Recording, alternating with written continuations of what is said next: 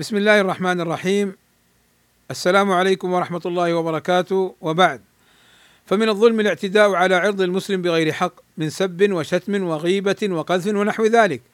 قال النبي صلى الله عليه وسلم لا حرج لا حرج إلا على رجل اقترض عرض رجل مسلم وهو ظالم فذلك الذي حرج وهلك.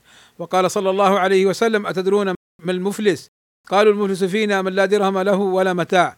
فقال النبي صلى الله عليه وسلم إن المفلس من أمتي يأتي يوم القيامة بصلاة وصيام وزكاة ويأتي قد شتم هذا وقذف هذا وأكل مال هذا وسفك دم هذا وضرب هذا فيعطى هذا من حسناته وهذا من حسناته.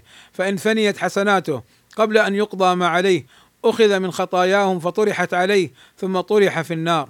قال الشوكاني رحمه الله تعالى اعلم أن من أقبح أنواع الظلم ما يرجع إلى الاعراض من غيبة أو نميمة أو شتم أو قذف وقد ثبت جعل العرض مقترنا بالدم والمال في التحريم وما أكثر الظلمة في الاعراض فإن الظلمة في الدماء والأموال قليلون بالنسبة إلى من يظلم الناس في أعراضهم لأن غالب الناس لا يستطيعون أن يظلموا الناس في دمائهم وأموالهم بخلاف الظلم في الاعراض فإنه لما كان مقدورا لكل أحد تتايع فيه كثير من الناس. انتهى.